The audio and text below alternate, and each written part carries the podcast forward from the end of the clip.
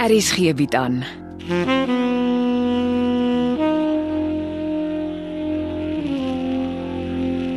Afsluiting deur Jo Kleinhans.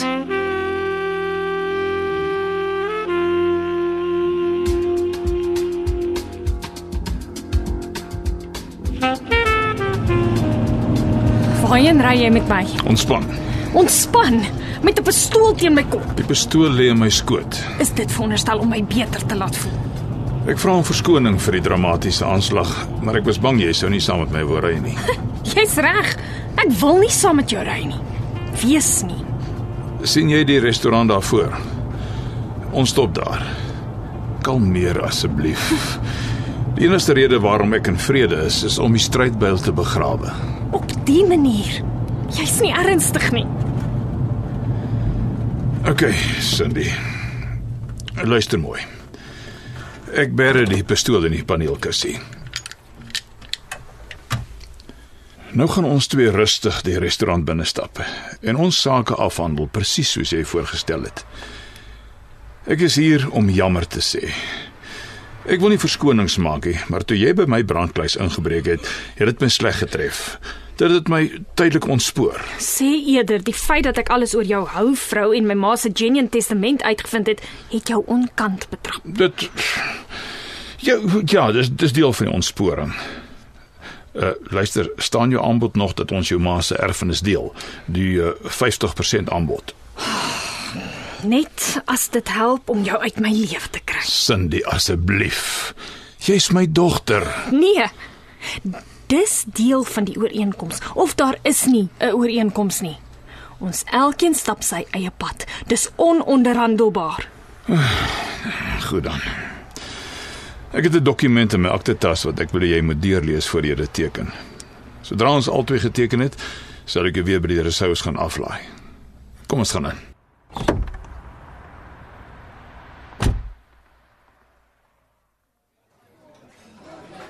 Lyk reg. Ek sien jy het klaar sommetjies ook gemaak. Ja. Uh, jy skuld my 'n paar rand. Jy het my bankrekenings omtrent leeg gemaak. Goed.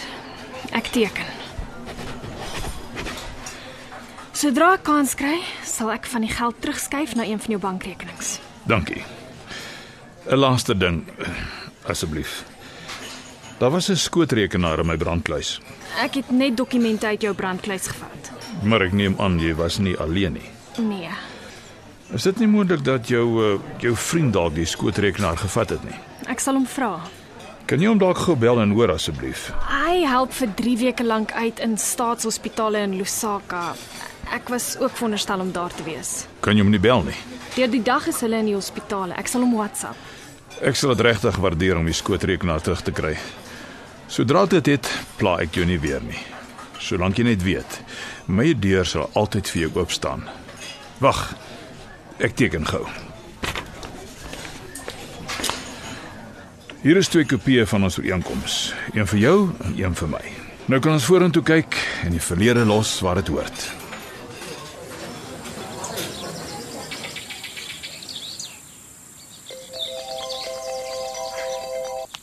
Middag oom Seef. Ek hoor jy is sopas deur 'n dramatiese ervaring. Hoe weet oom dit? Ek vertrou nie jou stiefpa nie. Daarom het ek en PJ Stoffberg besluit ons pos 'n man naby jou om seker te maak jy is veilig. Ek hoor dit het amper op 'n skietery het geloop. Aanvanklik was dit lelik, maar toe verander hy soos 'n verkleermannetjie. Ons het op 50-50 geskik. Iets pla my. Davie Becker sal nie oornag verander nie. Hy is slinks. Ek het nog 'n laptop van hom. En wat is daarop? Ek weet nie. Dit het 'n wagwoord en my hacker buddy is in Lusaka. Becker soek natuurlik hierdie rekenaar. Met 'n seer hart. Wel, hier is wat my plan. Knap sake lei, sorg dat hulle boedels so klein as moontlik is. Anders betaal hulle te veel belasting. Daarom werk hulle op twee fronte. Eerstens is daar hulle persoonlike lewe en tweedens hulle sakelewe. En ons is heeltyd besig met my ma se persoonlike lewe. Korrek. Ah, Ek raai dat die paar miljoen waaroor jy en Becker so gesellig arm druk is waarskynlik die uitbetaling van 'n stewige lewenspolis. Wat soms ook 'n goeie motief vir moord kan wees. Soms maar hoe meer ek daaroor dink, hoe meer dink ek jou ma se sakekant is baie meer werd as haar privaatkant. Ek vermoed jy het nie veel van 'n idee oor jou ma se sake nalatenskap aan jou nie, Nou, ons het nooit daaroor gepraat nie. want jy was jonk en aan die studeer. En sy wou jou nie nou al daarmee bemoei nie. Jou ma was die toonaangewende vernoot, nie waar nie? Ja, beslis. Wat van die huis waarin Becker bly? Dit was aanvanklik hulle woonhuis en spreekkamers. Dis waaruit my ma en Becker as dokters begin prakseer. met haar geld, want Becker was 'n kerkmuis. En tog word die huis nie in die testament genoem wat jy onder oë gehad het nie reg. Nee, glad nie. Om die eerlike waarheid te sê, het ek nog nie eers aan die huis gedink nie. Dokters is gewoonlik nie so skerp op finansies ingestel nie. Dis 'n vermoë wat eerder aangeleer as ingebore is, Dit geld beslis nie vir Dawie Becker nie. want sy hele lewe draai om geld. Omdat dit van kleins af vir hom 'n issue is. Kyk, die huis was van dag 1 af deel van jou ma se sakewêreld. Later het sy waarskynlik die groot kompleks gekoop waarin die bestaande spreekkamers is. En ek skat dis waar die groot geld is waarop jy eintlik moet fokus. Met ander woorde, die vraag is nie wat is in Becker se brandkluis by die huis nie, maar eerder wat is in die brandkluis by sy kantoor? Justament. Uh, wat het van al jou ma se sakebelange geword na haar skielike afsterwe? Ek sê jou, hierdie klompie rand waaroor Becker nou die groot vertoon maak, is oë verblindery. Jou ma het beslis nie as 'n brandarm sakevrou gesterf nie. Die kritiese vraag is, wat het van haar sake nalatenskap aan jou geword? Oom Seef is so reg.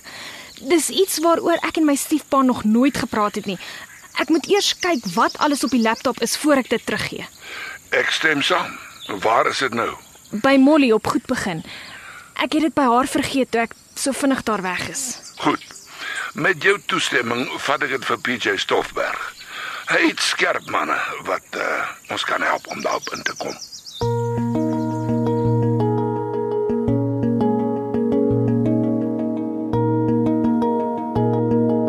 PJ Stoffberg sal dadelik werk maak van die laptop. Ek is bly jy het hom uiteindelik ontmoet. Maar is ook maar lekker vol van homself. Hoe lyk dit my jy gaan altyd fout vind met die arme skepsel? PJ Stoffberg is nie die probleem nie. Ek is bekommerd oor die Sondagkoerant se joernalis. Ja, dit maak twee van ons. Harregat mannetjie wat dink hy weet alles. Ek en Konrad sal môre 'n lang gesprek hê. Ek kan dit nie langer uitstel nie en dit gaan nie maklik wees nie. Ek weet nie wat dit is nie, maar net die manier hoe jy altyd die onderwerp probeer vir my, sê vir my dis 'n gewigtige saak. Ek moet by Martha uitkom. Sy bly vir my so onderste bo.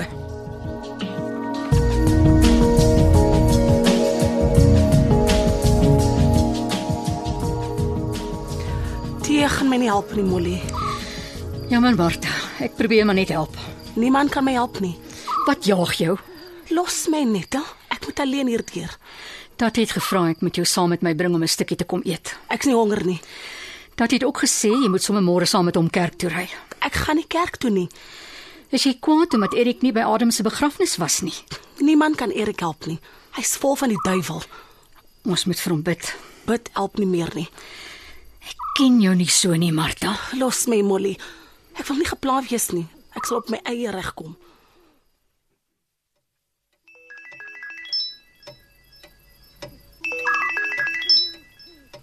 kom. Na Davie. Blaek. Ek het 'n ander onkoloog, dankie. Jy het reg om omgekrap te wees. Dis my verdiende loon. Nog iets. Ek bel om twee dinge te sê. Eerstens, ek het nie jou skilderye gesteel nie en tweedens, ek het Cindy om verskoning gevra. My optrede was onvergeeflik. En nou vra ek vir jou, nes vir Cindy om verskoning. Dankie vir wat jy vir my dogter doen. Sake het 'n manier om hulle self uit te sorteer. Ek dink dit is belangrik dat ons ter wille van die kinders in vrede saamleef. Ek stem volkome saam. En ek wil jou vra om dit tog te oorweeg om Konrad toe te laat om vir die onderhoud vir mediese verteenwoordiger te gaan. Davie, ek het 'n groot besluit geneem. My dae van besluite neem namens ander is verby. Ek sal raad gee waar ek kan, maar Konrad moet doen wat hy glo reg is om te doen. Met ander woorde, ek mag hom vra of hy nog belangstel in die werk. Ja, jy vra aan Konrad besluit, dis sy saak. Ah, goed so. En dan 'n 'n laaste guns.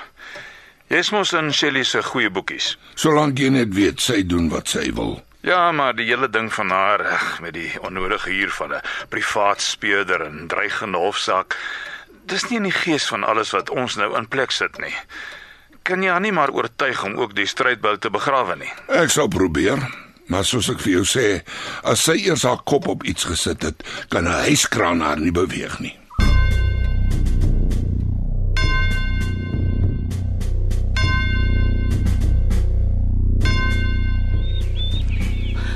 Môre tatie. Gaan jy nie kerk toe nie? Nie van môre nie. Kan ons praat tatie? Natuurlik, Martha. Kom ons sit sommer hier onder die boom op die bankie. Dankie vir al die funeral arrangements. My hart is stikkend oor Adam. Ons kom al 'n lang pad. Van Dundee af. Dit voel soos gister. Ek weet dit is nie maklik nie, maar ons moenie soos mense sonder geloof wees nie. Geloof is goed, maar om reg te loop is beter tatie. Ja, jy en Adam het baie jare reg geloop. Jy's reg.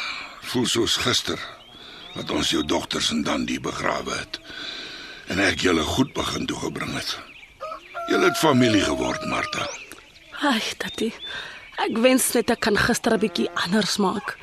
Dis die seer wat jou so laat praat. En Erik het vir jou moeilikheid gemaak.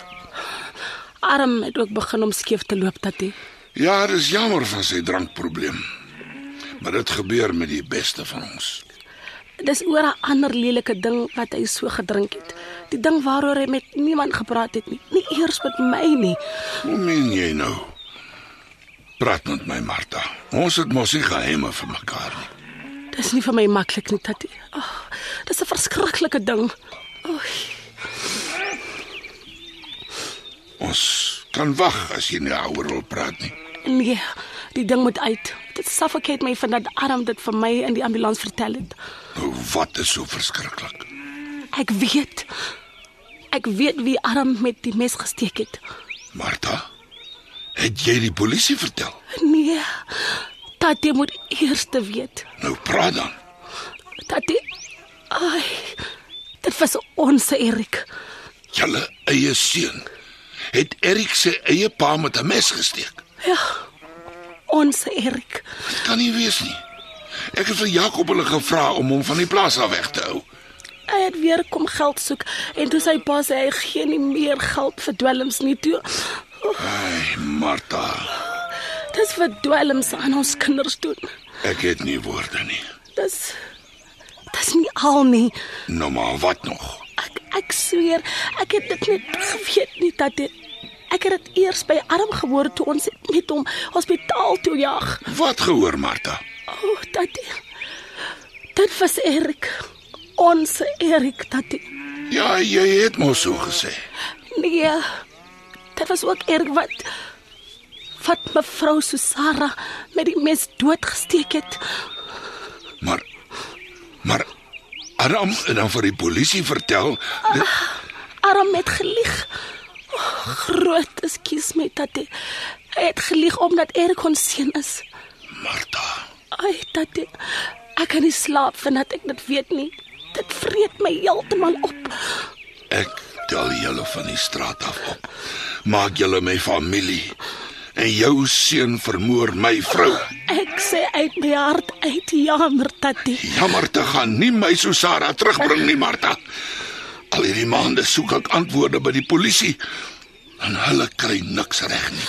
Omdat Adam hulle op 'n dwaalspoor gelieg het. Arm het al die pad hospitaal toe ekskuus gesê. Dis hoekom die polisie niemand arresteer nie. Oor Adam se geliegery. Ek weet dis nie reg nie. Dis verskriklik tatie. Dis erger as dit, Martha. Ek het Erik se skoolfonds betaal, sy skoolklere gekoop, hom laat leer. En hy slag my vrou soos 'n dier. Ek weet. Ek weet, man, dis dis die dwelms. Dis die dwelms. Adam het gesien wat Erik doen en hy het niks gedoen om haar te help nie. Nee, dat nee. Toe Aram by my vrou Susara kom was Erik sy kwaad was klaar gedoen gewees. Want hy het Sarah op haar eie gelos. Hy moes na haar omgesien het, by haar gebly het. Ek het hom vertrou. Ek weet dat ek weet en hy moes die waarheid gepraat het. Ek kan maar net op my knieë staan en en groot groot ekskuus vra. Dit sal nie help nie. Elke keer as ek jou sien, gaan ek vir Adam en Erik en Susara se bloed sien. Asseblief dat ons tolle smeek vir vergifnis. Konrad, laai môre jou goed op die bakkie. Ek is klaar met julle sitolles. Jy kom nooit weer op my plaas nie. Nooit weer nie. Ek wil nooit weer in my lewe 'n sitolle op goed begin sien nie. Trap Martha, trap nou.